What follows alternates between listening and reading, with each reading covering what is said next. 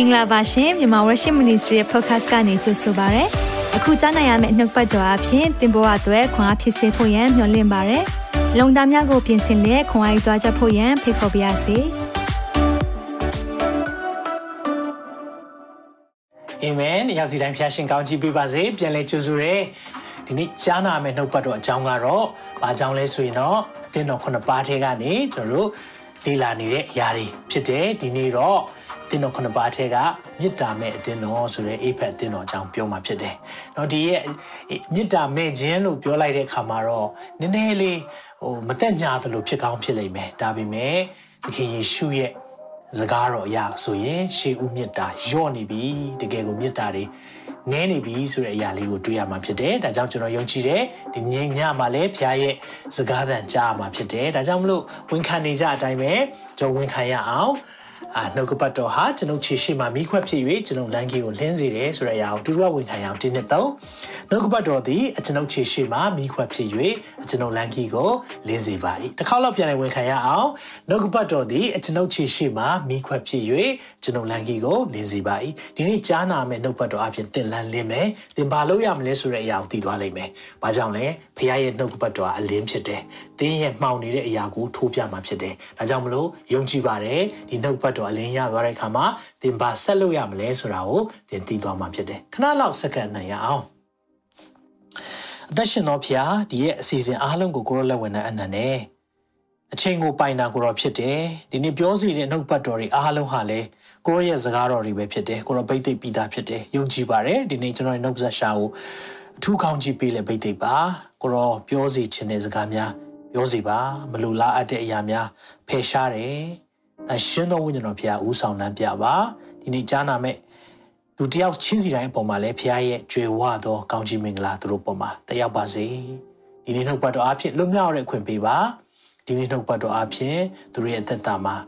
ဆင်ခြင်ဖို့အကြောင်းဖြစ်စေပါဒီနေ့အသင်းတော်တွေကိုပြောတာဖြစ်တဲ့အတွက်အားလုံးနဲ့သက်ဆိုင်တဲ့နှုတ်ပတ်တော်ဖြစ်ကြောင်းကိုလည်းနားလည်စေပါဝိညာဉ်တော်ဖခင်ဒီ နေ့ကိုရောရဲ့ပြုပြင်ခြင်းနဲ့လမ်းပြခြင်းကိုတောင်းခံပါ၏သခင်ယေရှုရဲ့မြတ်သောနာမ၌စက္ကန့်နဲ့ဆုတောင်းပါ၏အာမင်အာမင်ဟုတ်ပြီကျွန်တော်တို့နှုတ်ပတ်တော်ကိုတွားရအောင်ဒါက episode 2ဖြစ်ပါတယ်အပိုင်း2ဖြစ်တယ်ဆိုတော့အသင်းတော်ခုနှစ်ပါးလေ့လာတဲ့အခါမှာဒီအသင်းတော်ခုနှစ်ပါးကဘယ်အချိန်တုန်းကရှိခဲ့တဲ့အသင်းတော်လဲဆိုရင်တော့ဒီလွန်ခဲ့တဲ့နှစ်ပေါင်း2000မှာပတ်မှုကျွန်းမှာရှင်ယောဟန်သ ခင်ယေရှုရဲ့တပည့်တော်ရှင်ယောဟန်ရောက်နေတဲ့အချိန်မှာဒီရဲ့အသင်းတော်တွေကိုစာရေးခိုင်းတဲ့အရာဖြစ်တယ်ဆိုတော့အဲ့ဒီတုန်းကတော့အာရှိပီလို့ပြောတယ် Asia Minor လို့အင်္ဂလိပ်လိုပြောတယ်အဲဒီအခုလက်ရှိအနေနဲ့တော့တူရကီเนาะတူရကီနိုင်ငံမှာရှိနေတယ်။နော်အခုတော့အသင်းတော်အနေနဲ့မရှိတော့ဘဲနဲ့ဟိုဒီအဆောက်အုံတွေဆိုရင်လည်းအနေရာတွေကပျက်စီးသွားခဲ့ပြီ။เนาะဒါပေမဲ့ဒီအသင်းတော် ခုနှစ်ပါးတကယ်ရှိခဲ့တဲ့အသင်းတော်ဖြစ်တယ်လို့ဒီအသင်းတော်ခုနှစ်ပါးဟာအခုခေတ်ကျွန်တော်တို့အသင်းတော်တွေနဲ့လည်းဆက်ဆက်မှုတွေအများကြီးရှိတယ်ဆိုတာတွေ့ရတယ်အထူးသဖြင့်ပေါ့ဒီအသင်းတော်ခုနှစ်ပါးကိုလေ့လာတဲ့အခါမှာအမြင်တွေတော့မတူကြဘူးဆိုတော့အမြင်တစ်မျိုးကတော့ဒီအသင်းတော်ခုနှစ်ပါးဟာအသင်းတော်သမိုင်းခေတ်ဆက်ဆက်ကိုသွားနေတာဖြစ်တယ်လို့ပြောတယ်ဆိုတော့အေဖက်အသင်းတော်နဲ့ဆက်စချင်းစခဲ့တဲ့သဘောပေါ့နော်ပြီးရင်တော့တခြားအသင်းတော်အာ 6ခုကအနောက်ကလိုက်လာပြီးတော့အခုချိန်မှာမပူမအေးအသင်းတော်ရောက်နေတဲ့သဘောမျိုးပြောကြတာလည်းရှိတယ်ဘလို့ပဲဖြစ်ဖြစ်ကျွန်တော်ဒီနေ့လေ့လာမှာဒီဒီအသင်းတော်ခရစ်တော်ရဲ့အသင်းတော်လို့ပြောတဲ့အတွက်ကျွန်တော်တို့နဲ့ဆိုင်နေဆိုတဲ့အမြင်နဲ့လေ့လာသွားမယ်ဆိုတော့အိဖက်အသင်းတော်ကိုပြောတဲ့အရာဒီလေကျွန်တော်တို့အသင်းတော်နဲ့ပဲဆက်ဆက်တယ်အားလုံးနဲ့ဆက်ဆက်တယ်ဆိုတဲ့အရာလေးနဲ့တွဲဖက်ပြီးတော့ပြောပြခြင်းတယ်ဆိုတော့ဒီနေ့မှာကျွန်တော်ကဘယ်လိုမျိုးအာပြောပြခြင်းလဲဆိုရင်အိဖက်အသင်းတော်အကြောင်းကိုကျွန်တော်တို့ ဒီဗျာဒိတ်ကျမ်းအခန်းကြီး1ထဲမှာပြောထားတယ်ဆိုတော့အဲ့ဒီအကြောင်းအရာလေးကိုပြောတဲ့အချိန်မှာ APEC ဩဝါဒစာနဲ့လည်းကျွန်တော်တွဲပြီးတော့ပြောပြသွားမှာဖြစ်တယ်လို့ဒီ APEC အသင်းတော်ကိုစတည်ထောင်ခဲ့တဲ့တမန်တော်ရှင်ပေါလုနဲ့နော်ရှင်ယောဟန်တို့တိမောသေတို့တကယ်ကိုအသင်းတော်ကိုကြီးစုခဲ့တဲ့သူတွေသူတို့ရဲ့စာပေတွေနဲ့လည်းပတ်သက်ပြီးတော့ကျွန်တော်တို့တွေဆက်ဆက်ပြီးတော့လေ့လာသွားရအောင်မကောင်းလားเนาะအဆင်ပြေမယ်လို့ထင်ပါတယ်เนาะဒါကြောင့်မလို့ဒီနေ့မှာဆက်လက်ပြီးတော့ကြည်အောင် ဆိုတော့ဒီနေ့အသင်းတော်ခုနှစ်ပါးလို့ပြောတဲ့အခါမှာအေဖက်အသင်းတော်ရှိတယ်စမှုယနာရှိတယ်ပေရဂန်ရှိတယ်တွာဒီယာရှိတယ်တာရီရှိတယ်ဖိလဒေလဖိရှိတယ် Lodiki ဆိုတာရှိတယ်ဒါပေမဲ့အဲ့ဒီအသင်းတော်တွေအားလုံးကိုကြည့်တဲ့အခါမှာလိုအပ်ချက်လေးတွေရှိနေတယ်အခုဆိုရင်ဒီနေ့မေတ္တာမဲ့အသင်းတော်ပြီးရင်ကျွန်တော်စနေနေ့ဆိုရင်ညှင်းဆဲခံအသင်းတော်အကြောင်းပြောမယ်နောက်၃ဆိုရင်အပေးယူလုပ်တဲ့အသင်းတော်ဖောက်ပြန်တဲ့အသင်းတော်တည်နေတဲ့အသင်းတော် တစ္ဆာရှိတဲ့အသင်းတော်ယွန်ရှာပွဲတဲ့အသင်းတော်เนาะဆိုတော့နာမည်တွေကြည့်တဲ့အခါမှာအဲ့ဒီမှာကြီးလိုက်တဲ့အခါမှာညှင်းဆဲခံအသင်းတော်နဲ့တစ္ဆာရှိသောအသင်းတော်အသင်းတော်ခုနှစ်ပါးရဲ့အဲ့ဒီနှစ်ပါးကိုပဲနောင်တရပါလို့သခင်ယေရှုကမပြောဘဲနဲ့အဲ့ဒီခုနှစ်ပါးလုံးထဲမှာကြံတဲ့၅ခုလုံးကိုနောင်တရပါပြောကြည့်အောင်နောင်တရပါ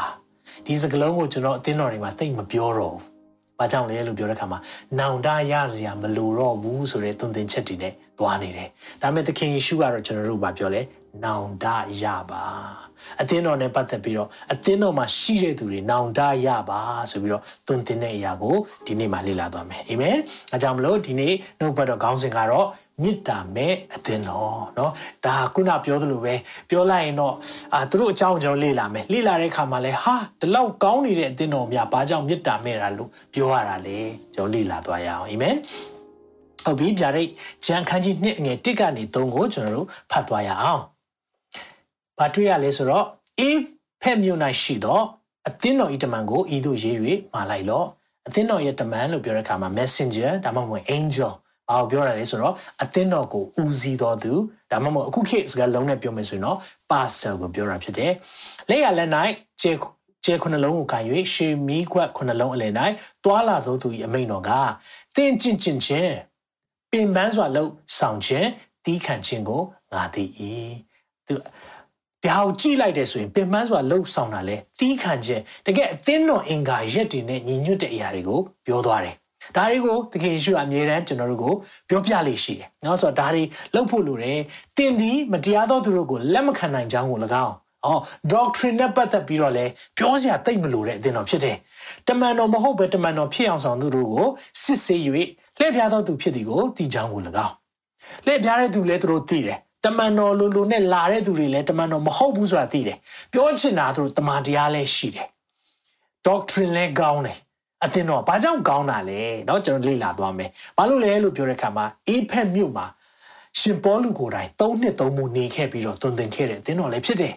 ဆိုတော့ သူတို့ကရှင်ပေါလုရဲ့တွင်တင်ချက်တွေကောင်းကောင်းကြားတဲ့အခါမှာဒီတယောက်ကမှန်လားမှားလားတမန်တရားနဲ့ညီလားမညီဘူးလားချိန်ထိုးတတ်တယ်ခံဒီနဲ့ပြည့်စုံ၍ persevere ဆိုတာအာပင်ပန်းခံနိုင်တယ်လုံးလာရှိတယ်ငိုင်းနာမကြောင့်ဆင်းရဲခံ၍အာမလျှော်ဘူးခရစ်တော်နာမကြောင့်လည်းဆင်းရဲမယ်ခံရမယ်ဆိုတာသိပေမဲ့လုံးဝအာမလျှော်ကြအောင်လည်းသိတယ်တဲ့ ဟုတ်ပြီနော်ဆိုတော့ဒါတွေကိုကြည့်လိုက်တဲ့အခါမှာဘာများ complaint တက်ဆရာရှိလို့လဲကိုရော်ရဲလို့ပြောဆရာရှိရနော်အခုခေတ်အနေနဲ့ကြည့်မယ်ဆိုဒါ five star အသင်းတော်ပဲလုံးဝပြည့်စုံနေပြီ doctrine လည်းကောင်းတယ်ပင်ပန်းစွာလည်းလှုပ်ဆောင်တယ်သိခံခြင်းလည်းရှိတယ်တမန်တော်မဟုတ်တဲ့သူတွေလက်မခံဘူးပြီးရင်လှည့်ပြားတဲ့သူတွေလည်းသူတို့လက်မခံဘူးဝေါဒါတွေအားလုံးကြည့်လိုက်တဲ့အခါမှာတော့တော်တော်လေးကိုပြည့်စုံနေတင်တော့ပါနော်ဒါကြောင့်ဘာကြောင့်များ ကိုရောကဒါကို complain တက်တာလေနော်သခင်ယေရှုဘာကြောင့် complain တက်လဲကျွန်တော်ဆက်ပြီးတော့ကြည်သွားရအောင်အဲ့မှာကြည်တဲ့အခါမှာအေးဖက်မြို့ရဲ့ background တချို့ကိုကျွန်တော်အရင်ဆုံးပြောပြချင်တယ်ဆိုတော့ background လေးကိုနည်းနည်းနားလည်တယ်နောက်ခံသမိုင်းလေးပေါ့နောက်ခံအကြောင်းတချို့လေးကိုကျွန်တော်တို့သိတဲ့အခါမှာဘာကြောင့်မလို့အာသူတို့တွေဒီလိုယုံကြည်ခြင်းခီးလန်းထဲမှာဖြတ်တန်းတဲ့အခါမှာကိုရောကိုယ်တိုင်ကတတိပေးရလဲဆိုတဲ့အရာလေးကို ကျွန်တော်တို့ပို့ပြီးနားလည်လာမယ်ဆိုတော့ဟုတ်ပြီအေဖက်မြို့ကအဲ့ဒီအချိန်တုန်းကเนาะဒီပြောမယ်ဆိုရင်ရောမတွေရဲ့လက်အောက်မှာရှိတာတကြောင်ဒါပေမဲ့အဲ့ဒီမြို့ကစီးပွားရေးအချက်ချကြတယ်။နော်ဆိုအခုပုံမှန်ကြည့်တဲ့အခါမှာဒါကြည့်လိုက်ပါအောင်ဘယ်လောက်ထိခမ်းနားလဲဒါဒါလွန်ခဲ့တဲ့နှစ်ပေါင်း2000တော့ဒါအခုချိန်မှာသွားရိုက်တဲ့အခါမှာပြိုပြက်နေတဲ့အရာတွေပြိုပြက်နေတဲ့အရာမြင်တာတော့မှဘယ်လောက်ကြီးကျယ်ခမ်းနားတဲ့နေရာဖြစ်ခဲ့သေးလဲဆိုတာကိုခံမှန်းလို့ရတယ်။ ကြီးလိုက်တဲ့အခါမှာဒါပြိသက်စီဝေးတဲ့နေရာနော်ပြီးရင်ကျွန်တော်တမန်တော်ဝိတုထဲမှာဒီနေရာမှာပေါ်လူနဲ့လိုက်လာတဲ့နှစ်ယောက်ကိုဆွဲခေါ်တယ်ဆိုတဲ့အရာလေးကိုလည်းပြောပြချင်တယ်ဆိုတော့ဒီနေရာကိုကြည့်တဲ့အခါမှာလူပေါင်းဘယ်လောက်ဆန့်မလဲကြည့်အောင်ကွင်းကြီးအကြီးကြီးဘောလုံးကွင်းကြီးလိုပဲအကြီးကြီးဖြစ်နေတဲ့နေရာတိုင်နေဆိုလဲခန်းခန်းနာနာကြီးเนาะဒီလိုမျိုးရှိတဲ့အပြင်ကိုဒီမျိုးက အ ကုန်းလန်းပို့ဆောင်ရေးလည်းကောင်းတယ်ရေလန်းလည်းကောင်းတယ်ဆိုတော့စီးပွားရေးအရာအရန်ကိုအချက်ချကြားတဲ့နေရာလေးဖြစ်နေတဲ့အခါမှာမြို့ကအရန်စီကားတယ်စီကားတဲ့အပြင်အနေနဲ့အရေးကြီးကလူတွေလာကြတယ်ဆိုတော့ဒီမြို့ကပြောမယ်ဆိုရင်အခုချိန်မှာအနီးဆက်ဆုံးဗာမြို့နဲ့တူမလဲစင်ကာပူလိုမျိုးနော်နောက်ပြီးရင်ဗာမြို့နဲ့တူမလဲကျွန်တော်တို့နယူးယောက်လိုမျိုးဒီလိုမြို့တွေမှာရှိတဲ့နေရာဆိုတော့ ဒီမြို့ကအဲ့ဒီလွန်ခဲ့တဲ့နှစ်ပေါင်း2000တော့နယူးယောက်ပဲလွန်ခဲ့တဲ့နှစ်ပေါင်း2000တော့စင်ကာပူပဲစဉ်းစားကြည့်အောင်ဘယ်လောက်ထိစီကားလဲเนาะဆိုတော့သူတို့ရဲ့ကြီးကျယ်ခမ်းနားခြင်းတွေကိုကျွန်တော်တို့ကပုံထဲမှာကိုကြည့်လိုက်တာနဲ့ကိုခံမှန်းလို့ရတယ်ဒါအခုလက်ရှိပုံဒါပေမဲ့လွန်ခဲ့တဲ့နှစ်ပေါင်း2000တော့သာဆိုရင်ဘယ်လောက်များကြီးကျယ်ခမ်းနားမလဲ ဒါမြင်တွေ့ရတဲ့တစ်ချက်เนาะဒါကြောင့်ဒီမြို့ကကြီးကျယ်ခမ်းနားတဲ့မြို့ဆိုတာကိုကျွန်တော်သိရအောင်ပြီးရင်စီးပွားရေးတိတ်ပြီးဖြစ်ထွန်းတဲ့မြို့ဆိုတာကိုအရင်ဆုံးနားလည်စေချင်တယ်။ဘာကြောင့်ဒါတွေပြောလဲဆိုတာနောက်ွယ်မှာကျွန်တော်ပြောပြမယ်။ဒီမှာကြည့်ပါအောင်။เนาะဒါကဒီမြို့ရဲ့ library ဆိုတာစာကြည့်တိုက်နေရဖြစ်တယ်။ဆိုတော့ Greek လူမျိုးတွေကနော်ကျွန်တော်သိတယ် Plato တို့ Socrates တို့တကယ်အတွေးခေါ်ပညာရှင်ကပါကိုကင်လှုပ်နိုင်တဲ့အတွေးခေါ်ပညာရှင်တွေကို တကယ်ကိုထုတ်ဖော်ခဲ့တဲ့နိုင်ငံဖြစ်တယ်ဆိုတော့အဲ့ဒီအချိန်တုန်းကသူတို့ကရောမလက်အောက်မှာရှိပေမဲ့သူတို့အတွေးခေါ်တွေအဲ့ဒါအောက်တမ်းမကြဘူးလုံးဝအဆင့်မြင့်နေတယ် education သိကောင်းတယ်အဲ့ဒီနေရာမှာကြည့်ရဒါဒါအခုလက်ရှိကဘာလက်ခီးတဲ့တွေတွာလာလို့ရတဲ့နေရာဖြစ်တယ်လိလာလို့ရတဲ့နေရာဖြစ်တယ်เนาะ Celsius library လို့ခေါ်တယ် Celsius library စာကြည့်တိုက်အခုကပျက်စီးသွားပြီလို့ဒါ နှစ်ပေါင်း2000ကျော်ကြာသွားပြီဆိုတော့ပျက်စီးသွားပြီဆိုတော့ဒီစာကြည့်တိုက်မှာဆိုရင်အဲ့တော့စာအုပ်မရှိတော့စာပေလိပ်တွေတောင်းကျော်တောင်း2000ကျော်ရှိတယ်ဆိုတာမျိုးလဲလေ့လာရတယ်ပြောချင်တာစာပေယဉ်ကျေးမှုဖွံ့ဖြိုးတဲ့နိုင်ငံလဲဖြစ်တယ်မြို့လဲဖြစ်တယ်အထူးသဖြင့်ဆိုတော့ဒီမြို့တွေကိုကြည့်တဲ့အခါမှာဝေါအတွေးခေါ်တွေသိကောင်းတယ်ဒါကြောင့်မလို့ရှင်ပေါလုက APEC အသင်းတော်ကိုစာရေးတဲ့အခါမှာဘယ်လိုရေးရလဲသိလား APEC over စာအခန်းကြီး9အငယ်27မှာဒီလိုပြောတယ်ခရစ်တော်ကိုခန့်ညာသောအဖြစ်အချင်းချင်းတယောက်အောက်တယောက်ကိုကိုနှိမ်ချလဲနေကြလောစာတက်တယ်လေစာတက်တော့နှိမ်ချခြင်းကြောင့်အမြဲတမ်းသင်ပေးရတယ်ဟုတ်တယ်နော်ဆိုတော့ဒါပေမဲ့အဲ့လိုပြောလို့စာမတက်ရင်နှိမ်မချအောင်လားဆိုစာမတက်ပဲနဲ့မနှိမ်ချတဲ့လူလည်းအများကြီးမြင်ဘူးပါတယ်ပြောချင်တာပါလဲဆိုတော့မာနကလူကလေပညာတတ်တတ်မတတ်တတ်ရှိလို့ရတယ် ချစ်ချင်းမြတ်တာလည်းထုံနေလကောင်းပဲပညာတတ်တတ်မတတ်တတ်ရှိလို့ရတာမာနလည်းဟုတ်တယ်လို့ချစ်ချင်းမြတ်တာလည်းဟုတ်တယ်အာမင်ဒါကြောင့်မလို့ကျွန်တော်နားလည်ဖို့ကဒီအိဖက်အသင်းတော်ကနော်ဒီတွေးခေါ်ပညာရှင်တွေအာဒီလိုစာပေယဉ်ကျေးမှုဖွံ့ဖြိုးတဲ့စီးပွားရေးကောင်းတဲ့နေရာမှာရှိတဲ့အခါမှာ ဒီရလူတွေကိုအတွေးခေါ်နဲ့ပတ်သက်ပြီးတော့အများကြီးတွင်တင်ဖို့လိုတယ်။ဒါကြောင့်တယောက်ကိုတယောက်အောင်နှိမ်ချဖို့အကြောင်းတွေကိုပြောတယ်။ဒါကြောင့် APEC over စာကိုဖတ်ကြည့်မယ်ဆိုရင်ရှင်ပေါလုကဒီအကြောင်းအရာလေးကိုအများကြီးသူက doctrine ဘိုင်းဆိုင်ရာเนาะဆိုတော့ခံယူချက်နဲ့ဆိုင်တဲ့အရာတွေကိုအများကြီးသင်ခဲ့တာလည်းတွေ့ရတယ်ဆက်ပြီးတော့ကြည့်အောင် အိဖက်ဝါစာခန်းကြီးနှစ်အငယ်ရှစ်ဒါရအားလုံးအလွတ်ရတဲ့နဲ့နော်ယုံကြည်သူမှန်ရင်ဒါကရကိုရမယ်နှုတ်ဘတ်တော်ဖြစ်တယ်ယုံကြည်သောအဖြစ်ဂျေဇုတော်ကြောင့်ကယ်တင်ခြင်းရောက်တယ်ဒါကကျွန်တော်တို့ရဲ့ doctrine တကယ်ကျမ်းစာ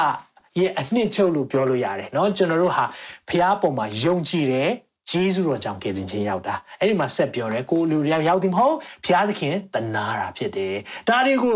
ဒီလိုမျိုးတကယ်လေးနဲ့တဲ့အနှစ်သာရရှိတဲ့နှုတ်ကပတ်တော်တွေကိုအေးဖက်မြို့ကိုပို့ပေးရတယ်အေးဖက်မြို့မှာရေးပေးရတယ်ဘာကြောင့်လဲသူတို့တွေရဲ့အတွေးခေါ်တွေကတိတ်ပြီးကောင်းတယ်ဒါကြောင့်မလို့အငယ်တစ်ဆယ်မှာဆိုရင်ငါတို့ဒီကောင်းသောအကျင့်ကိုကျင့်ကြမိအကြောင်းယေရှုခရစ်၌ပြုပြင်၍ဖန်ဆင်းတော်မူရာဖြစ်တယ်ဒါကြောင့်မလို့အကျင့်ပါကောင်းဖို့ပါရှင်ဘောလူကရေးသားရတယ်။ဘာကြောင့်လဲ။အေဖက်အသင်းတော်ဒီစီးပွားရေးကောင်းတယ်။ပညာပိုင်းမှာကောင်းတယ်။ ဒါကြောင့်မလို့ doctrine ဆိုင်ရာဆိုလဲအများကြီးပြောပြရတဲ့အရာလေးတွေဖြစ်တယ်။နောက်အဲ့ဒီမြို့မှာထူးဆန်းတဲ့အရာတခုကပါလဲဆိုရင်နော်ယောမခေတ်ဒါကဒီအေဖက်မြို့တခုပဲမဟုတ်ပဲねယောမခေတ်ဒီအားလုံးမှာတွေ့ရတဲ့အရာလေးပေါ့နော်တူညီတဲ့အရာလေးတခုရှိတယ်ယောမမြို့တွေမှာဘာလဲဆိုတော့ယောမအေဂရစ်တွေကနော်အုတ်ချုပ်တဲ့မင်းတွေက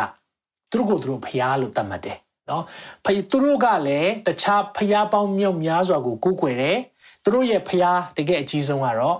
King Caesar နော်ကဲတာဘီပေါ့ဒါကိုသူတို့က Caesar ကဖျားဖြစ်တယ်လို့လက်ခံတယ်အဲ့ဒီအချိန်မှာစဉ်းစားကြည့်အောင်ခရိယန်တွေက no Caesar ဖျားမဟုတ်ဘူး Domitian ကဖျားမဟုတ်ဘူး Nero ကဖျားမဟုတ်ဘူးယေရှုခရစ်တော်ဘုရားဖြစ်တယ်ဆိုတော့အဆင်ပြေမဲ့ထင်လား ပဲပြေမလဲအချိန်လုံးတိုက်ခိုက်ခံနေရမှာတစ်ချိန်လုံးဒါကြောင့်ခရိယန်တွေကိုအယံကိုနှိမ်နေတဲ့ကာလဖြစ်တယ်သူတို့ကသူတို့ဖျားပေါင်းမြောက်များစွာကိုးကွယ်နေတာနော် Greek ဆိုရင် Greek ဖျားတွေအများကြီးရှိတဲ့ရုပ်တုတွေဆိုတော့အဲ့လိုမျိုးကိုးကွယ်နေတဲ့အချိန်မှာအေဖက်အတင်တော်ကိုပြန်ပြောပြရတယ်။ဘာပြောပြရလဲ။ဖျားသခင်တဆူတည်းရှိတယ်။နော်ဖျားသခင်ဟာတကယ်ဖျားဆိုတာတဆူတည်းရှိတယ်ဆိုတဲ့အရာကို အိဖက်တင်တော်ကိုသင်ပြရတယ်เนาะဒါလေးတွေက background story လေးတွေကျွန်တော်တို့နားလည်လာပြီဆိုရင် April O'Hara ဆိုပြန်ဖတ်စေချင်တယ်ဖတ်ကြည့်လိုက်တဲ့အခါမှာကျွန်တော်ပို့ပြီးတော့ဘာကြောင့်မလို့ဒီလိုမျိုးရှင်ပေါ်လူကရေးသားလဲဆိုတာကိုသင်ပို့နားလည်လာလိမ့်မယ်ဟုတ်ပြီเนาะဆိုတော့ဟုတ်ပြီဒီ April အသင်းတော်ကဘာတွေကြုံရသေးလဲသူတို့အဲ့လိုမျိုးဒီ emperor တွေကိုကိုးကွယ်တယ်เนาะ a grid တွေကိုကိုးကွယ်နေတဲ့အချိန်မှာသူတို့ကသခင်ယေရှုကိုကိုးကွယ်တော့ဘာတွေအခက်အခဲဖြစ်လဲဖြစ်တာပေါ့ သူတို့အခက်အခဲဖြစ်တဲ့အရာလေးတွေကိုတချို့ကျွန်တော်တို့သူတို့စိန်ခေါ်မှုလေးတွေကြုံရတဲ့အရာလေး challenge တွေဘာတွေရှိလဲနော်အကြီးမားဆုံး challenge ကတခြားမဟုတ်ဘူးဘာလဲဆိုတော့ Temple of Artemis Artemis ဆိုတာက Greek နတ်ဖယားမနော် Greek နတ်မင်းသမီးလို့လည်းပြောတယ်နတ်ဖယားမဒီဖယားကိုကူးကွယ်တဲ့မြို့ကြည့်လိုက်တဲ့အခါမှာဘလောက်ခမ်းတာလဲဆိုတော့ဒီလိုအရှည်ပေါ့နော်အရှည်ကဘောလုံးကွင်းတကွင်းခွဲစာရှိတယ် ဘောလုံးကွင်းတကွင်းနောက်ပြီးအကျယ်ကဘောလုံးကွင်းတကွင်းစာရှိတယ်ဘယ်လောက်ကြီးမလဲဆိုတော့တိုင်နေဆိုရင်129တိုင်အဲ့မှာတိုင်အကြီးကြီးတွေ129တိုင်ရှိတယ်အဲ့ဒီ Artemis ဒါမှမဟုတ်ရင် Diana လို့လည်းရောမတွေက Diana လို့သတ်မှတ်တယ် Greek တွေကြတော့ Artemis เนาะဆိုတော့ဒီဖယမပေါ့နော်ဒီဖျားနတ်ဒါနတ်နတ်ပေါ့နော်သူတို့ကိုးကွယ်တဲ့အဲဒီရုပ်တုမှာဘာတွေ့ရလဲဆိုတော့ သူ့မှာကြည့်လိုက်ပါအောင်เนาะဆိုတော့ဒီနရွက်လိုနေရာတွေမှာနောက်မှာတော့နွားပုံတွေတွေ့ရတယ်။နောက်ပြီးသူ့ရင်သားပေါ့နော်ဆိုရင်အများကြီးပဲ။ဆိုတော့ဘာကိုသူကကိုစားပြုလဲဆိုရင်တော့ဒါကဘာကိုကိုစားပြုလဲဆိုတော့သူကအာတာမွေးခြင်းပေါ့နော်ဆိုတော့ရင်သားတွေအများကြီးနေဆိုတော့သူကတာမွေးခြင်းကိုသူကထိမ့်ချုပ်နိုင်တယ်ပေါ့ကွာ။အဲအဲ့လိုမျိုးသားတွေကိုအဲသား သားသမီးလိုချင်တယ်ဆိုရင်သူစီလာဖို့အဲ့တော့အဲ့ဒါမျိုးတွေ तू ကအသက်နဲ့သားသမီးတွေမွေးဖွားခြင်းစသဖြင့်ဒါတွေနဲ့ပတ်သက်ပြီးတော့အကူအကွယ်ခံတဲ့အဲသူဖြစ်တယ်ဆိုတော့ဒါရင်ပတ်သက်ပြီးတော့ကျမ်းစာထဲမှာလည်းသူ့အကြောင်းကိုရေးထားတာရှိတယ်เนาะဆိုတော့ကျွန်တော်ဒါတွေကိုအေဖက်အသင်းတော်အကြောင်းပြောတဲ့အခါကျမှဆက်ဆက်ပြီးတော့ကျွန်တော်လည်းလိလာမိတဲ့အရာလေးတွေဖြစ်တယ်ဆိုတော့နှုတ်ပတ်တော်နဲ့ကြည့်အောင်တမန်တော်ဝတ္ထုခန်းကြီး16ထဲမှာ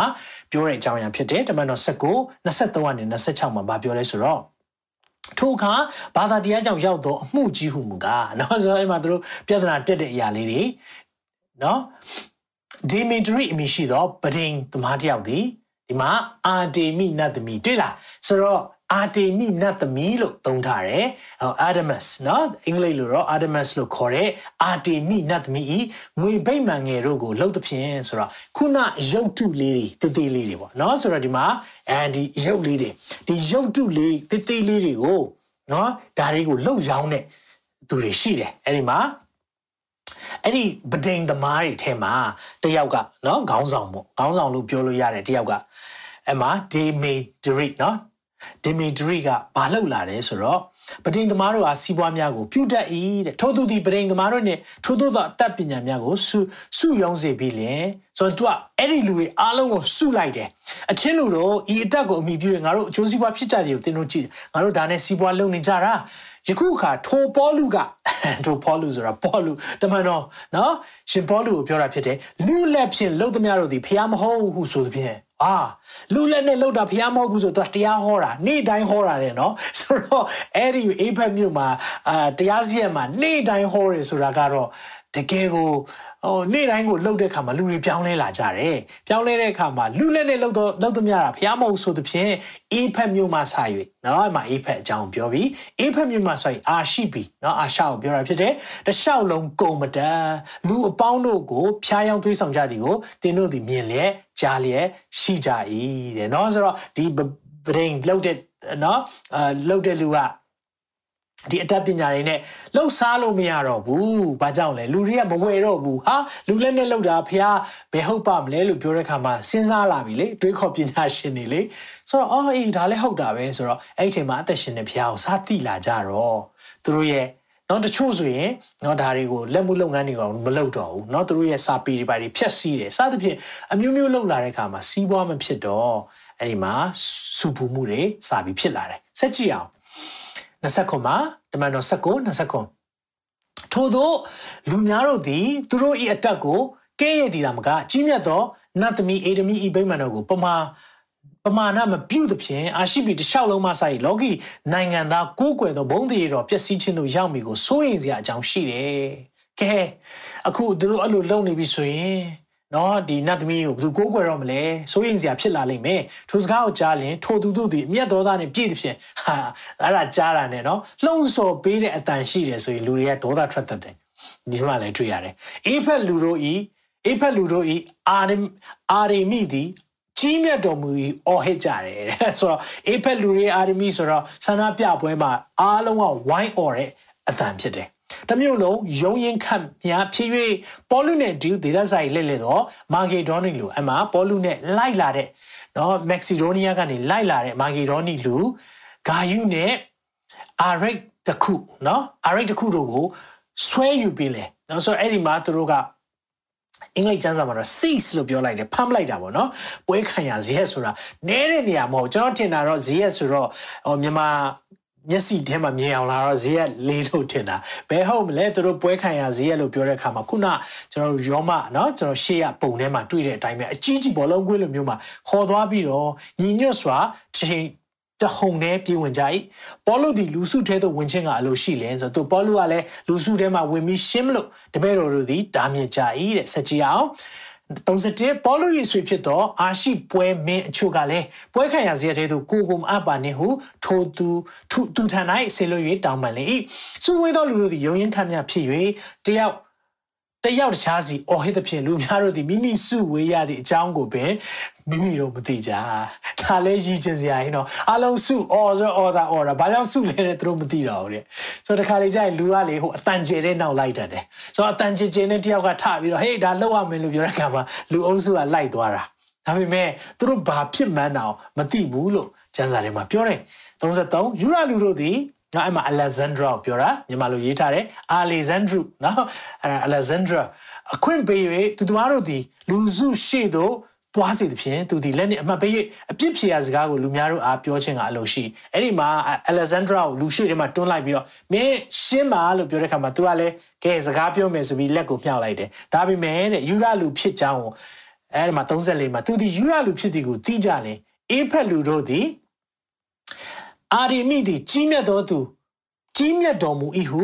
နာနာရီခန့်မြတ်ဘယ်နှနာရီអော်လဲဆိုတော့နှစ်နာရီတော့လူပေါင်းတို့သည်တတန်ထဲနဲ့ဟစ်ကြ၏တဲ့ကြည့်ပါဦးအဲ့ဒါကိုကြည့်တဲ့အခါမှာဘာတွေ့ရလဲဆိုတော့ဆန္ဒပြမှုပဲစူပူမှုပဲဘာကြောင့်လဲဒီမြို့မှာကြီးမားဆုံးသောနတ်ဖျားကိုးကွယ်တဲ့နေရာရှိတယ်အဲ့ဒီမှာပရိန်သမားတွေရှိတယ်ပပူထူတဲ့လူတွေရှိတယ်သူတို့တွေက ရှင်ပေါလုတို့အဖွဲ့တွေနှုတ်ပတ်တော်ဟောတဲ့အခါမှာလူလက်နဲ့လှုပ်တဲ့အရာဖះမဟုတ်ဘူးလို့ဟောတဲ့အခါမှာဈေးရောင်မကောင်းတော့စီးပွားပြက်လာတယ်အဲ့ဒါကြောင့်သူတို့ကဒီအရာတွေကိုလှုပ်တဲ့သူတွေကိုရှင်းကျင်တာပေါ့နော်ဒါတွေကိုမပြောဖို့တားမြစ်ခြင်းလို့အခုလိုလှုပ်တာဖြစ်တယ်ဆက်ပြီးတော့ကြည့်ရအောင်အဲ့ဒီကြည့်တဲ့အခါမှာ35မှာမြို့စီရေးနော် city clock လူများတို့ကိုတိတ်စေပြီးလဲကဲတိတ်ပါသူကဖြောင်းဖြပေးတယ်အေးဖက်လူတို့အေးဖက်မြို့သည် ဇုဇုတဘုရားထံမှာကြာတော့ရုပ်တူတော့တိဟုတော့เนาะဒါကလည်း Greek နတ်ဘုရားเนาะ Zeus ဇုတเนาะဆို Zeus သူတို့ဒါလည်းအခုအခုဆိုရင် movie တွေထဲမှာပြန်ပြန်ပြီးသုံးလာတဲ့အဲအရာလေးတွေတွေ့ရတယ်เนาะရုပ်ရှင်ကြီးတဲ့လူတွေ Zeus တို့ဘာလို့ကြားဘူးလိမ့်မယ်ဆိုတော့အဲဇုတဘုရားထံမှာကြာတော့ရုပ်တုတော်တိဟုသောကြီးမြတ်တော်မူသောအာဒေမိကိုလှုပ်ကြွေးသောဘုရားကျွန်ဖြစ်သည်ကိုမသိသောသူတစုံတစ်ယောက်ရှိကဲ ဒီငါတို့ဖះအကြောင်းမသိတဲ့လူရှိတာမှမဟုတ်တာ။ဤရာတို့သည်ငင်းခုန်ပွဲမရှိတိတ်ဆိတ်စွာနေတင်တယ်ဆိုပြီးအဲ့ဒီမှာကျွန်တော်တို့အောက်ပိုင်းမှာဆက်ဖတ်ကြည့်တဲ့အခါမှာသူတို့ဖြောင်းဖြတယ်မင်းတို့ယုံမှာအခုလိုလုံးလို့မရဘူးအမှုရင်ဆိုင်ခြင်းနဲ့ဆိုယုံမှာသွားကြပါယုံမှာပဲစီရင်မယ်ဆိုတဲ့အခါမှာအောက်အငယ်51မှာအစည်းအဝေးကိုဖြတ်တယ်တဲ့နော်ဆိုတော့အဲ့ဒါလေးကိုတွေးတဲ့အခါမှာကျွန်တော်ဘာနားလည်လိုက်ရလဲဆိုတော့ရှင်ပေါလုတို့ကဒီအေဖက်မြို့မှာအမှုတော်ဆောင်တဲ့ကလွယ်ကူတဲ့အရာတော့မဟုတ်ဘူး နော်ဒါကြောင့်မလို့တစ်ချိန်လုံးအရိုက်ခံရတာတို့ထောင်ချခံရတာတို့ဒါတွေကိုမြင်တွေ့ရတာဖြစ်တယ်က ကယ်၍ကျွန်တော်တင်းနဲ့ကျွန်တော်ဒီလိုသာအေဝံဂေလိဟောရမယ်ဆိုရင်ကျွန်တော်စဉ်းစားကြမလားမသိဘူးเนาะဘုရားမြတ်ထဲမှာအခုကျွန်တော် online မှာနည်းနည်းပါပြောရင်တော့မှမခံနိုင်ကြတာဒါပေမဲ့ဒီအချိန်မှာဆိုရင်တော့အများကြီးကစော်ကားကြတယ်အခုလိုပဲเนาะဆိုတော့ခုနရှင်ပေါလုနဲ့လိုက်လာတဲ့တပည့်နှစ်ယောက်ကဘာတွေဆက်ဖြစ်သွားလဲတော့ကျွန်တော်မသိဘူးเนาะဆိုတော့လူလူထုကသူ့ကိုဆွဲငင်ကြတယ်เนาะ အဲ့ဒီမှာကြီးလိုက်တဲ့အခါမှာဘာတွေ့ရလဲဖခင်ရဲ့အေဝကလေးသတင်းစကားဟာအကျိုးတရားမှုရှိတယ်လူတွေရဲ့သက်တာမှာပြောင်းလဲတယ်ဒါကိုကျွန်တော်တို့မြင်တွေ့ရတယ်အခုဆက်ကြည့်ရအောင်ဒီမှာကြည့်တဲ့အခါမှာเนาะအာကျွန်တော်တို့တခုနားလည်ရတာပါလဲဆိုတော့ဒီလိုနှက်ဖျားတွေကိုးကွယ်နေတဲ့ကာလထဲမှာအသင်းတော်ကိုကျွန်တော်တို့ကဘာသင်ပေးဖို့လိုလဲဆိုတော့ဒီမှာ APEC OR စာအခန်းကြီး6မှာ လက်နက်စုံများဆိုပြီးယုံကြည်သူများတည်တင်တည်အပ်တဲ့အရာလေးတွေကိုရှင်ဘောလူကသင်ပေးတယ်။ဒါကြောင့်မလို့ကျွန်းသေးသောစကားရှိသေးတယ်ဆိုဒီမှာမာနဤပြည့်တွေကိုစီတာနိုင်ပြီကြောင့်ဖျားသခင်ဖြစ်စံတော်မူသောလက်နက်စုံကိုဝတ်ဆောင်ကြဖို့ပြောထားတယ်။နော်အဲ့မှာဘာပြောလဲဆိုတော့ဒီလိုမျိုးနတ်ဖျားတွေတကယ်ကိုကြီးစိုးနေတဲ့နေရာမှာဝိညာဉ်စုဘလောက်အလုံးလုံးမလဲ။ယုံကြည်သူတွေအတွက်ဘလောက်ထိ အန္တရာယ်ရှိတယ်လဲဒါကိုသိတဲ့အတွက်ကြောင့်မလို့အေဖက်အသင်းတော်ကိုစာရေးတဲ့အခါမှာရှင်ဘောလူကလက်နက်စုံအကြောင်းကိုရေးထားတယ်เนาะအသွေးသားငါတို့ဒီအသွေးသားရှိသောရန်သူတို့နဲ့ဆိုင်ပြိုင်တိုက်ရန်ရကြတာမဟုတ်ဘူးတဲ့အထုံမြတ်တို့နဲ့၎င်းအာနာဆက်တို့နဲ့၎င်းလောကီမောင်မိုင်း၌ဆိုတရပြုသောမင်းတို့နဲ့၎င်းမိုးကောင်းခင်၌နေသောနတ်ဆိုးတို့နဲ့၎င်းဆိုင်ပြိုင်တိုက်လည်ရကြ၏တဲ့နော်အေဘက်6ယုံကြည်သူများအားလုံး6 10ကနေ18အထိ အလွတ်ကျက်ထားစေခြင်းနဲ့ဘာကြောင့်လဲဒီအရာတွေကသိရေးကြီးတယ်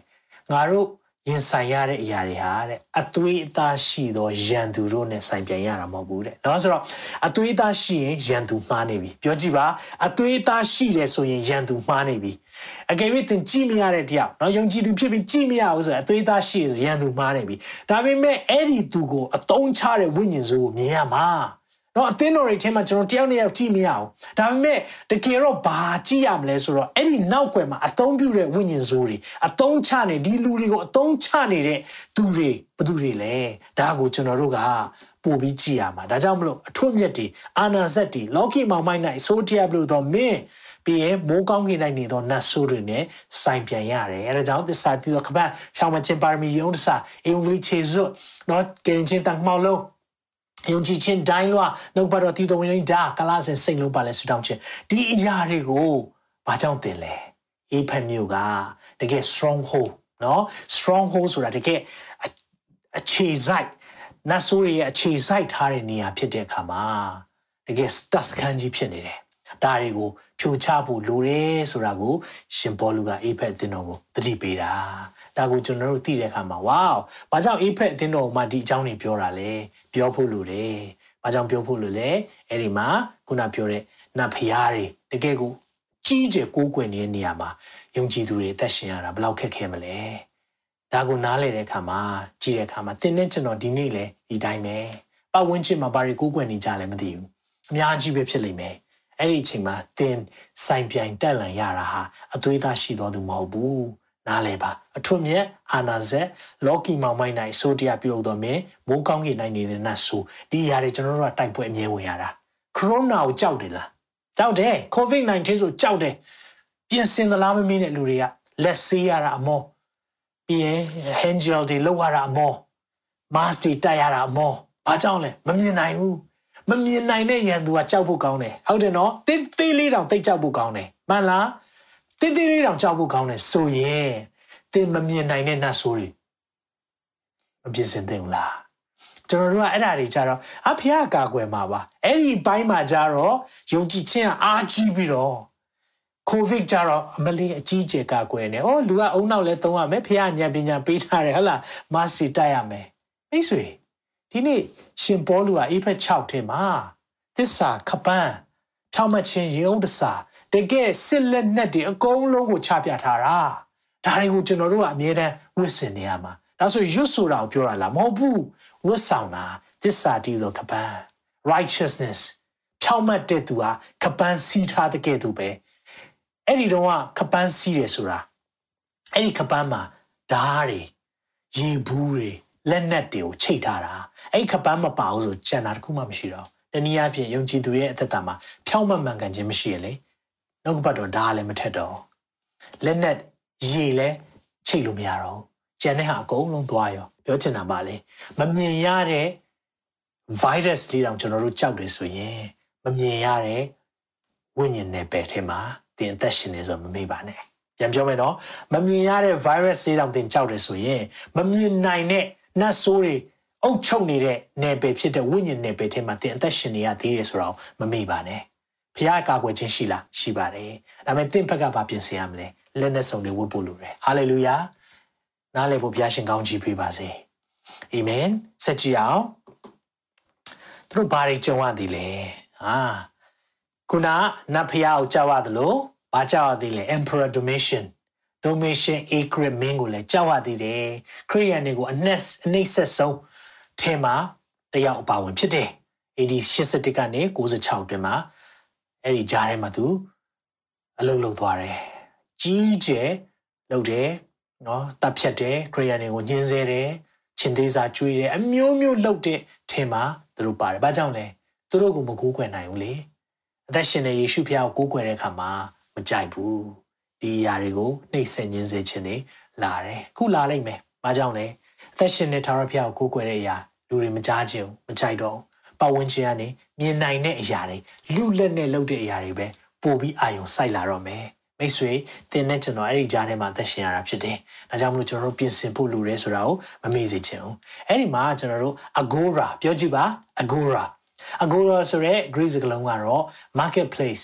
ဈေးလို့ပြောတာဖြစ်တယ်။ဆိုတော့အဲ့ဒီအချိန်တုန်းကဈေးဆိုတော့အဲ့ဒီမှာတို့အဆောက်အုံတွေရှိတယ်။နောက်ပြီးရင်အဲ့ဒီမှာ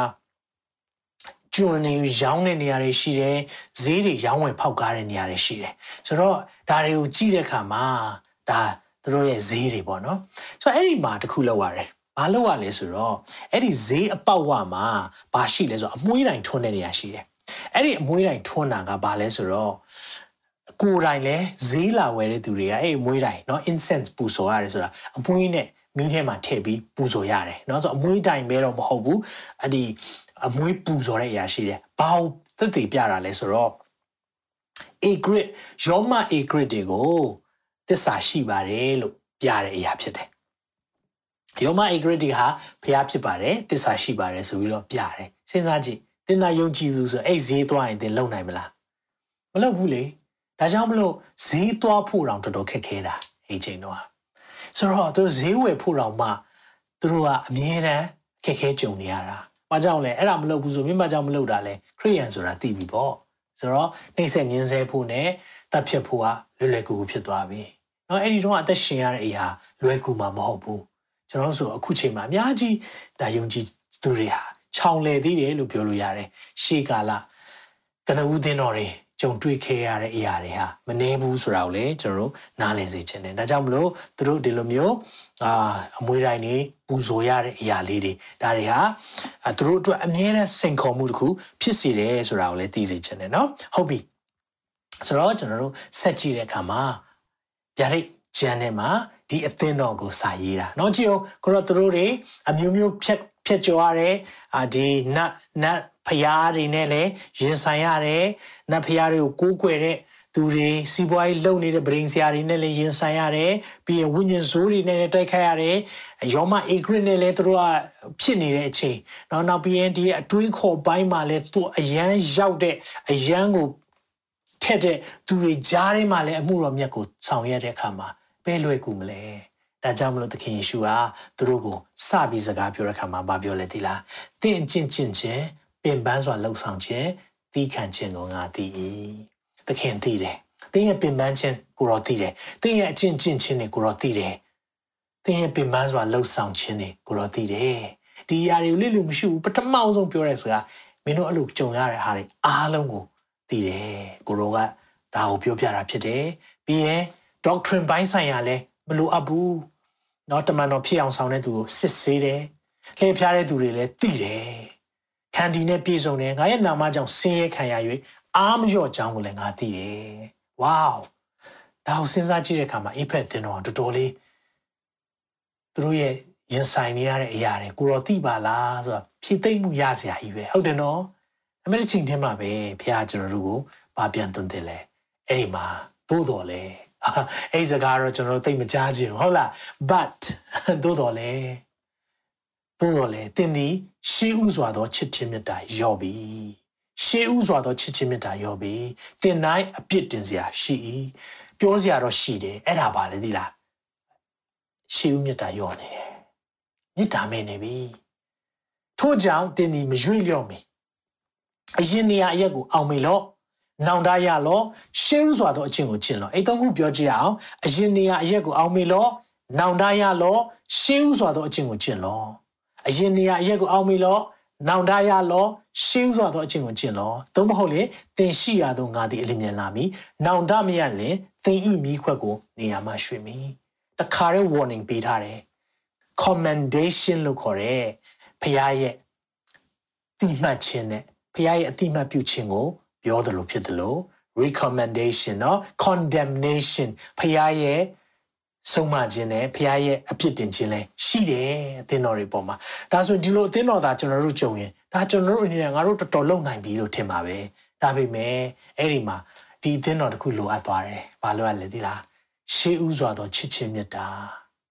ဟိုးရင်တော့ကရှိခဲ့တဲ့မြတ်တာညော်နေသွားပြီ ဒါတွေကိုမြင်တွေ့တဲ့အခါမှာထပ်ပြီးပါပြောလဲသို့တော်လဲအဖခင်ကအဲ့ဒီမှာဘယ်မပြီးသေးဘူးငါမုန်းသောနီကိုလာ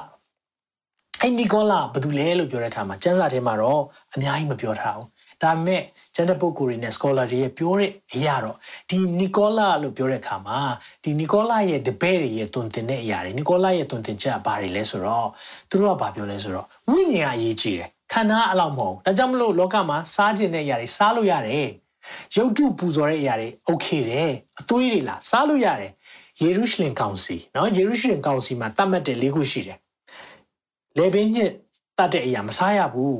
ရုပ်တုရှိမှပူဇော်တဲ့အရာမစားရဘူးအသွေးမစားရဘူးပြီးရင်မတရားသောမိထုံမမိဝဲရဘူးဒီရဲ့အရာတွေကိုယေရုရှလင်ကောင်ဆယ်ဆိုတာ အဲတပားမျိုးသားတွေပြောင်းလဲလာတဲ့အခါမှာသူတို့ဂျူးရဲ့အရင်ထဲရမလားပြီးမှခရိယန်ထဲဝင်ခိုင်းရမလားစသဖြင့်အငင်းပွားမှုတွေဖြစ်လာတဲ့အခါမှာကဲဟုတ်ပြီဒီလေးခုတော့မလုပ်ပါနဲ့เนาะအသွေးမစားနဲ့ရုပ်တုရှိမှပူဇော်တာမစားနဲ့လေပင်ညှက်တတ်တဲ့အရာတွေမစားနဲ့ပြီးရင်မတရားသောမိထုံမလုပ်ပါနဲ့ဆိုတော့တမန်တော်15ထဲမှာလည်းရှိတယ်เนาะဆိုတော့အဲ့ဒါလေးတွေကိုပြောကြတယ်ပြောကြတဲ့အခါမှာဒါတွေကိုနီကိုလာရဲ့ နီကိုလာနဲ့သူ့အဖွဲ့တွေကဒါတွေကအရေးမကြီးပါဘူးကိုခန္ဓာကိုခန္ဓာထက်ဝိညာဉ်အရေးကြီးတာဒါကြောင့်ကိုခန္ဓာကဒါအပြစ်သားဆိုတော့အပြစ်လုံးမှာပဲဟဟလားဒီရဲ့တုံတင်ချက်တွေခုချိန်ထိရှိနေတယ်ငါမုံသောနီကိုလာဖះမုံတယ်နော်အဲ့ဒီတုံတင်ချက်တွေဒါကြောင့်မလို့ကျွန်တော်တို့ကတန်ရှင်းစွာနေပါလို့ပြောရင်လေအယံပဲအမုန်းခံရတတ်တယ် တန်ရှင်းစွာနေပါလို့တုံတင်ရင်လူတွေသိမကြကြဘူးတန်ရှင်းစွာနေထိုင်ပါလို့ပြောရင်မရဘူးဝိညာဉ်ကကဲတင်ပြီလေဝိညာဉ်ကကဲတင်ပြီဝိညာဉ်ကြောင့်ပြအဲ့ဒါနီကိုလာရဲ့နီကိုလေနီကိုလီယက်တင် doctrine လို့ခေါ်တယ်เนาะဒါကြောင့်နီကိုလာရဲ့ the bear ရဲ့လှုပ်ရှားမှုတွေကိုဘုရားမကြိုက်ဘူးเนาะအဲ့ဒါလေးကိုတခုပြောပြချင်တယ်ပြီးရင်တို့ကဘာလုပ်သေးလဲဆိုတော့မတရားသောမေထုံเนาะမတရားသောမေထုံဘာကြောင့်လဲဆိုတော့ခုနကနတ်နတ်ဖျားရဲ့အဲ့ဒီ သူ့ရဲ့မွေးနေ့ပွဲရှိသေးတယ်။ဒါဆိုသူ့မွေးနေ့ပွဲကမေလထဲမှာကျင်းပရဲကမှာအဲ့ဒီရဲ့ဖျားသွားတဲ့လမ်းတစ်လျှောက်မှာလူတွေကအပြည့်ပဲပြည့်ပြင်းသူတို့ကအဲ့ဒီနတ်ဖျားမကိုရေထဲမှာချရေထဲမှာချပြီးတော့သူ့ရဲ့အပြိုစင်ကိုပြန်လဲပြီးတော့ဆန်ဟိုဘာခေါ်လဲအပြန်လဲအသက်သွင်းနေပေါ့နော်စသဖြင့်လှုပ်ပြီးရင်အဲ့ဒီမှာ org လို့ခေါ်တဲ့ဟိုကိုဇနီးတဲ့သူများနဲ့နေခိုင်းသူများဇနီးတဲ့ကိုနဲ့နေအမျိုးမျိုးအဲ့လိုမတရားသောမိထုံတွေလှုပ်တဲ့ အရာတွေကိုအသင်းတော်ကတချို့က okay တယ်လို့ပြောလာတာဒီဟာတွေမရအောင်နော်မတရားသောမိထုံထဲမှာသွားလို့မရအောင်ဒါကြောင့်ဘုရားသခင်ကကျွန်တော်တို့ကိုဘာပဲပြောပြလဲငါမုံသောနီကိုလာတပည့်တို့အချင်းကိုသင်သည်လဲမုံတယ်နော်ဆိုတော့ဒီအသင်းတော်ကဒါတွေလဲလက်မခံဘူးဆိုတာကိုတွေ့ရတယ်နော်သူတို့ဒါတွေကိုပြောတယ်အဲ့ဒီမှာဘုရားကဘာဆက်ပြောလဲဝိညာဉ်တော်ဒီအသင်းတော်တို့ကအဘယ်သို့နိုင်တော်မူဒီကိုနားရှိတော်သူမိဒီကကြားပါစေ နားရှိတယ်ဆိုရင်ဒီနေ့ကြားပါ။ဘာကြောင့်လဲ။အိဖက်အသင်းတော်တွေပဲပြောတာမဟုတ်ဘူး။ဒီနေ့နားရှိသောသူမိဒီကကြားဖို့ရန်အတွက်ဒီနေ့သခင်ယေရှုကသွန်သင်တာဖြစ်တယ်။အကျဉ်သူဒီအောင်မြင် overcomer ဆိုတာ overcome ဖြစ်တယ်ဆိုတာနော်ဒီလိုအခက်ခဲတွေကြုံလာပြီးတော့မှကြော်လွှားနိုင်တော်သူကိုပြောတာဖြစ်တယ်ထို့သူသည်ငါ၏ဖျားသခင်ပရာတိသူပရာတိတုဥယျာဉ်၌ရှိသောအသက်ပင်၏အသီးကို စားစေခြင်းကအခွင့်ပေးမိဖခင်ရဲ့ဂတိလည်းရှိတယ်အသက်ပင်ရဲ့အသီးလည်းစားခွင့်ရမယ်ဘာကြောင့်အဲ့ဒါပြောတာလဲဆိုတာကိုအရင်ဆုံးရှင်းပြလိုက်မယ်ဆိုတော့ဒီခုနပြောတဲ့အာတေမိနတ်ဖခင်က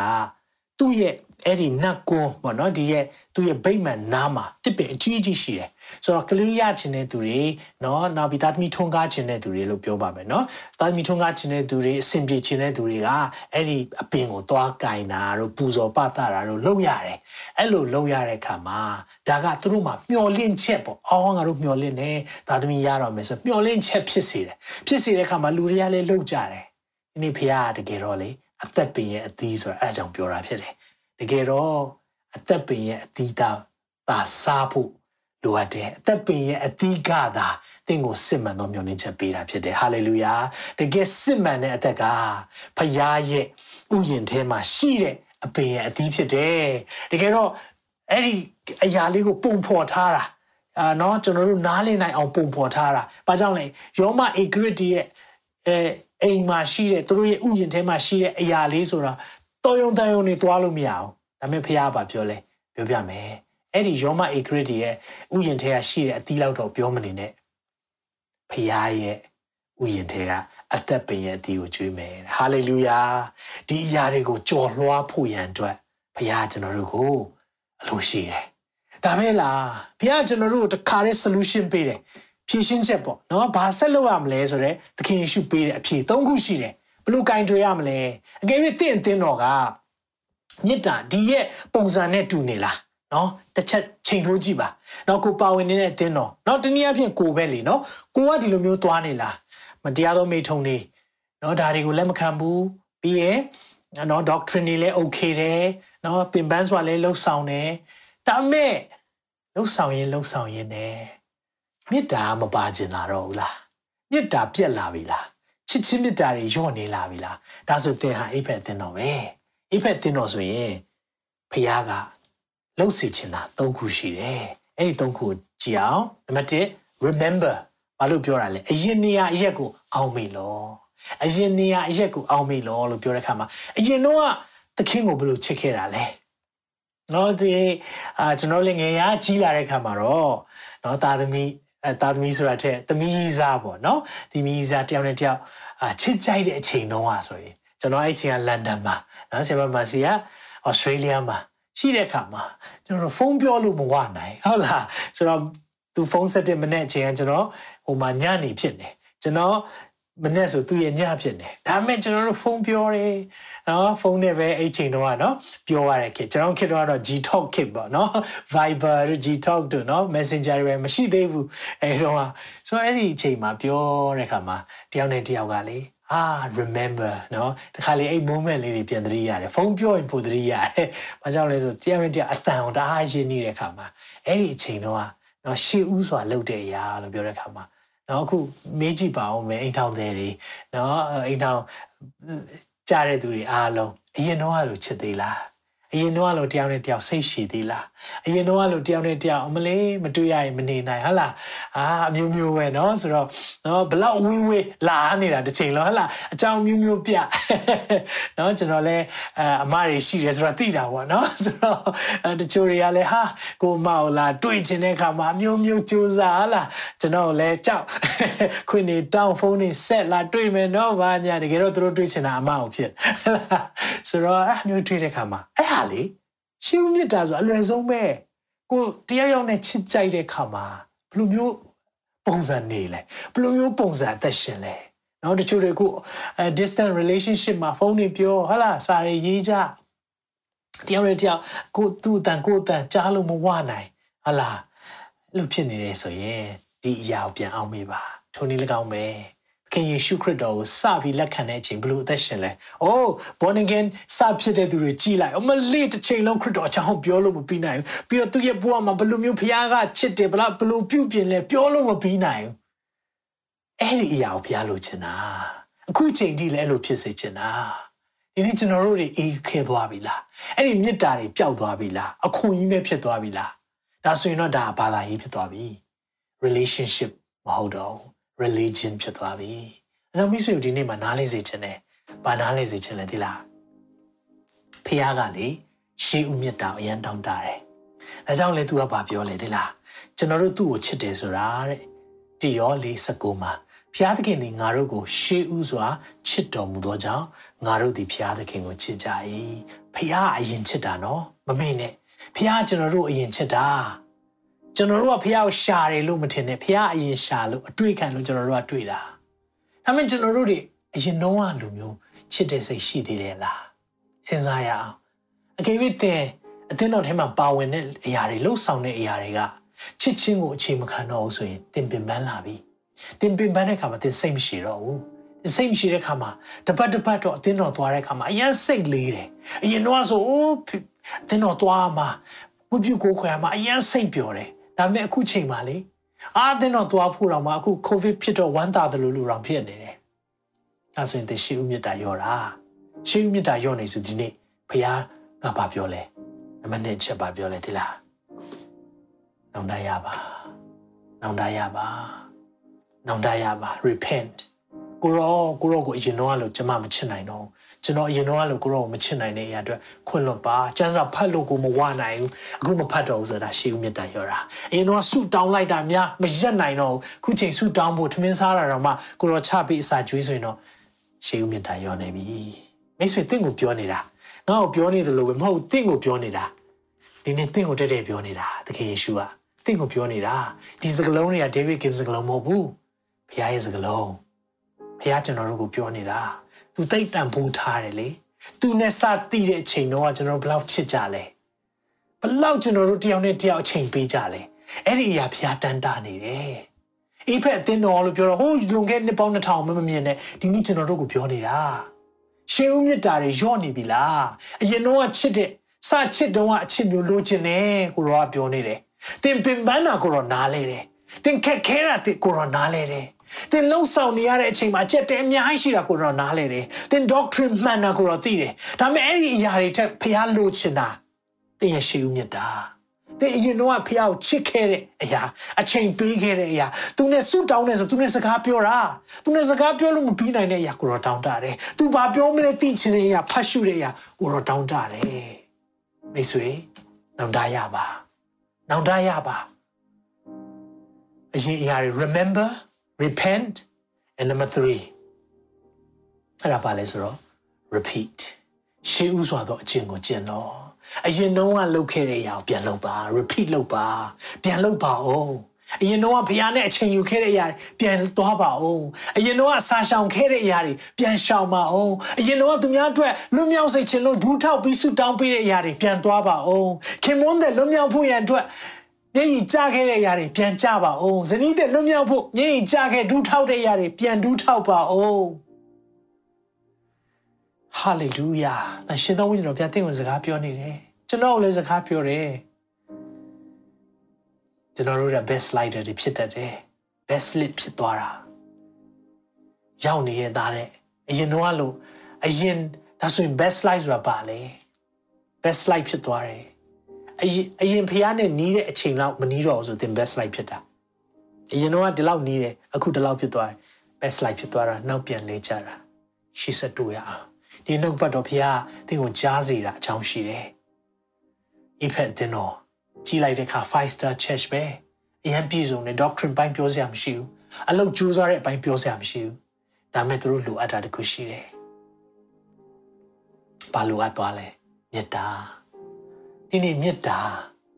အဲ့မေတ္တာလိုအပ်တာ။ရင်တော့ကျွန်တော်တို့တွေအိုးကိုဆရာသမားကိုကြားချင်လိုက်တာ။ကိုဆရာသမားကိုချစ်လိုက်တာ။ကိုမချစ်တော့ဘူးကိုမကြားကျင်တော့ဆိုရင်ရှေးဦးမြတ်တာရော့နေပြီရှေးဦးမြတ်တာရော့နေပြီအဲကြောင့်ဒီနေ့နောင်တရပါနောင်တရပါယေရှုပြောနေတယ်နောင်တရပါ repeat ရှေးဦးစွာသောအရာတွေကိုပြန်လည်လုပ်ပါအဲ့လိုလုပ်တဲ့အခါမှာဘာစားရမလဲအ သက်ပင်ရဲ့အသီးရမယ်အသက်ပင်ရဲ့အသီးထာဝရကာလအသက်ရှင်ပုံအဲ့ဒီအသက်ပင်ရဲ့အသီးကိုစားခွင့်ရလိမ့်မယ်ဟာလေလုယာဒီဖခင်အသင်ကိုသိချစ်တာဒီနေ့ကြည့်တဲ့အခါမှာအခုအေးဖက်အသင်းတော်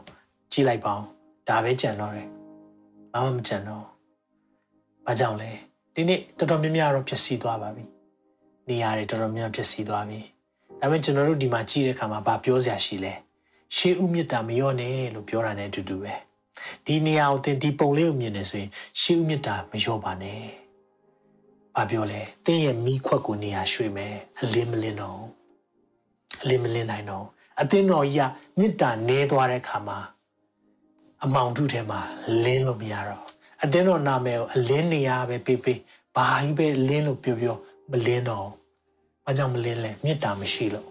တယောက်နဲ့တယောက်မြစ်တာမရှိကြအောင် တယောက်နဲ့တယောက်မချစ်နိုင်တော့ဖះကိုအစီခံရတဲ့အရာကတာဝန်လိုဖြစ်လာတယ်ငါမလုပ်ရင်ဆရာဆူမယ်ငါမလုပ်ရင်ဆရာမငါ့ကိုမကျေနပ်ဘူးဒီအရာတွေနဲ့ပါဝင်တဲ့အခါမှာလေးလံတဲ့စိတ်တွေနဲ့လာတယ်ရှေးဦးမြတ်တာရောတာနောင်တရပါဒီချိန်မှာနောင်တရဖို့ပဲဒီနေ့နောင်တဆိုတာလေစစ်မှန်တဲ့နောင်တ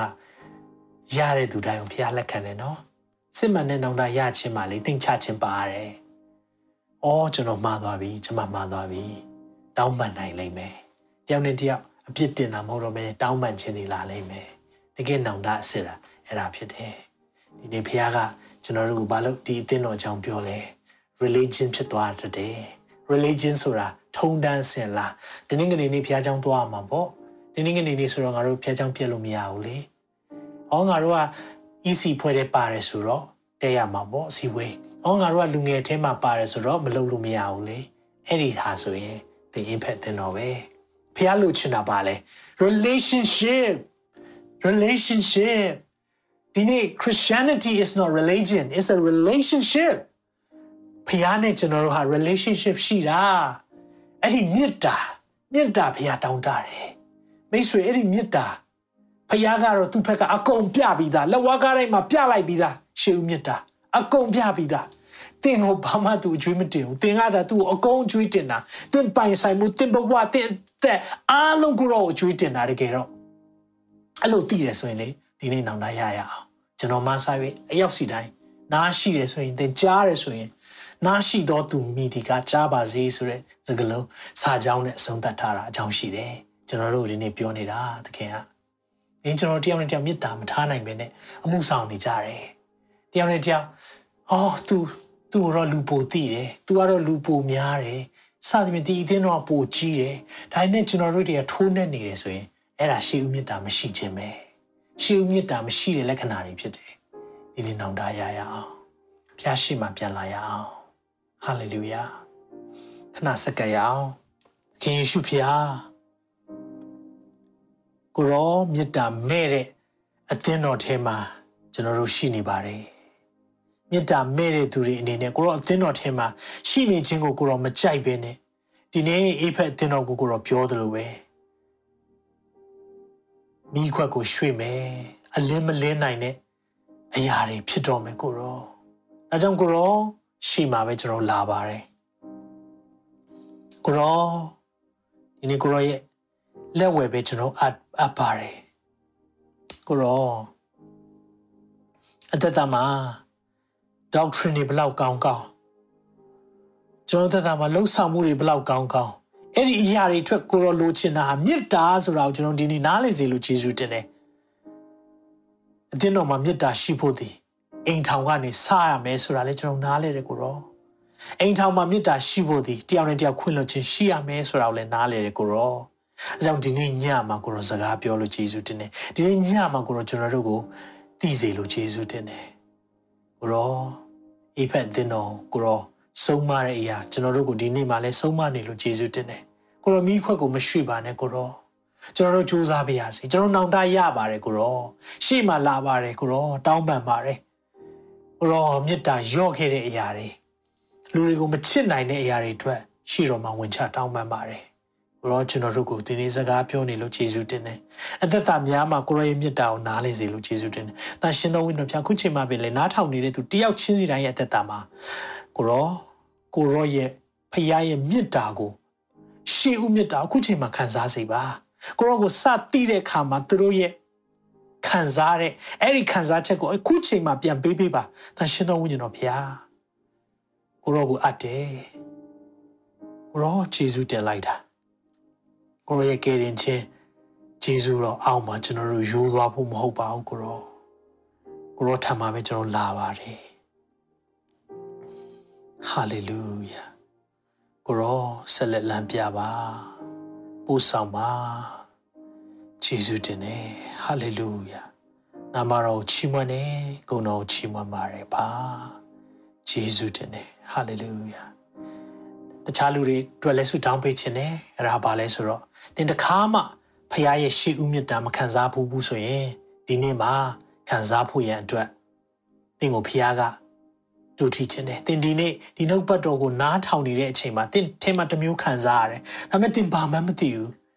ဒီနေ့ပျော်ရွှင်ခြင်းငြိမ်သက်ခြင်းတစ်မျိုးခံစားရတယ်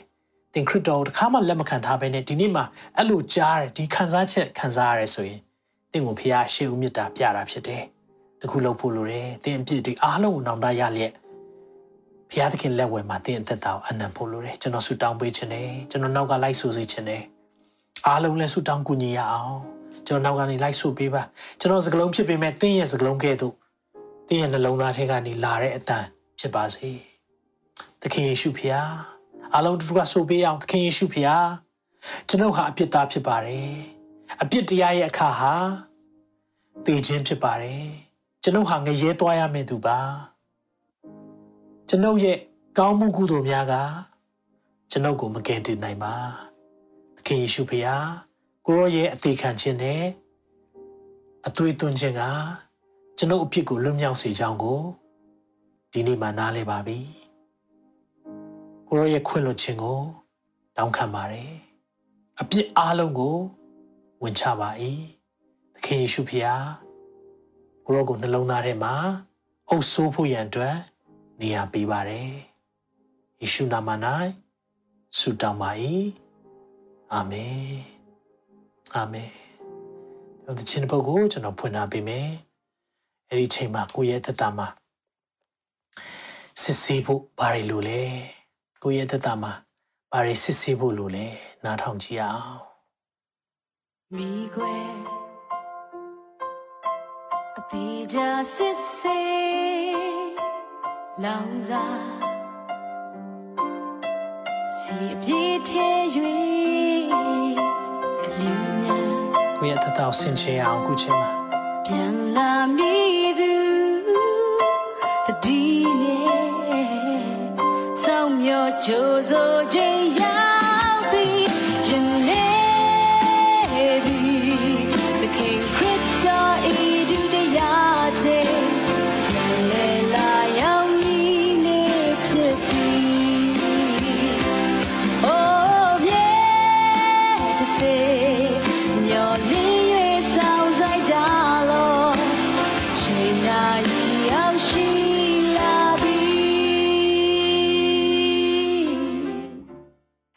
အာမင်ကြီးမြတ်တဲ့ဖခင်လက်ခုပ်တီကုန်ပြုရအောင်ဟာလေလုယာဖခင်ရှင်ကောင်းမြတ်တဲ့ဖခင်ရှင်ပို့ဆောင်တဲ့အရာတွေအတွက်ယေရှုတင်တယ်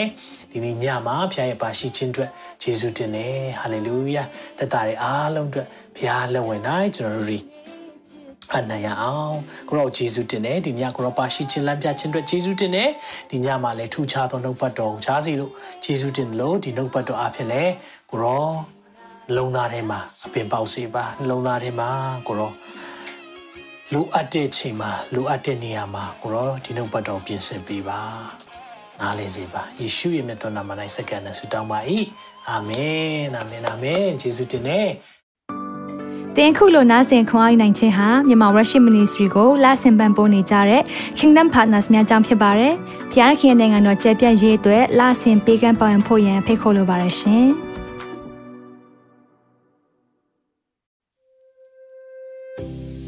ခုကြားနာခဲ့ရတဲ့နှုတ်ပတ်တော်အဖြစ်ခွန်အားရရှိမဲ့လို့ယုံကြည်မျှော်လင့်ပါတယ်။ခွန်အားရဆိုလို့ရှိရင်ဒီတစ်ပတ်နဲ့ပြန်လည်ဝင်မြပေးဖို့ရန်တောင်းဆိုပါရစေ။မြန်မာ Worship Ministry ရဲ့ website myanmarworship.com ကိုလည်းလာရောက်လေ့လာဖို့ရန်တွဲဖိတ်ခေါ်ချင်ပါတယ်။တချိန်ထဲမှာမြန်မာ Worship Ministry ရဲ့ social media platform များဖြစ်တဲ့မြန်မာ Worship YouTube Channel, မြန်မာ Worship Facebook Page နဲ့မြန်မာ Worship Instagram များကိုလည်းလာရောက်လေ့လာဖို့ရန်တွဲဖိတ်ခေါ်ချင်ပါတယ်။နောက်တစ်ချိန်မှာပြန်လည်ဆုံတွေ့ကြပါစို့။ဖျားရှင်ကောင်းကြီးပေးပါစေ။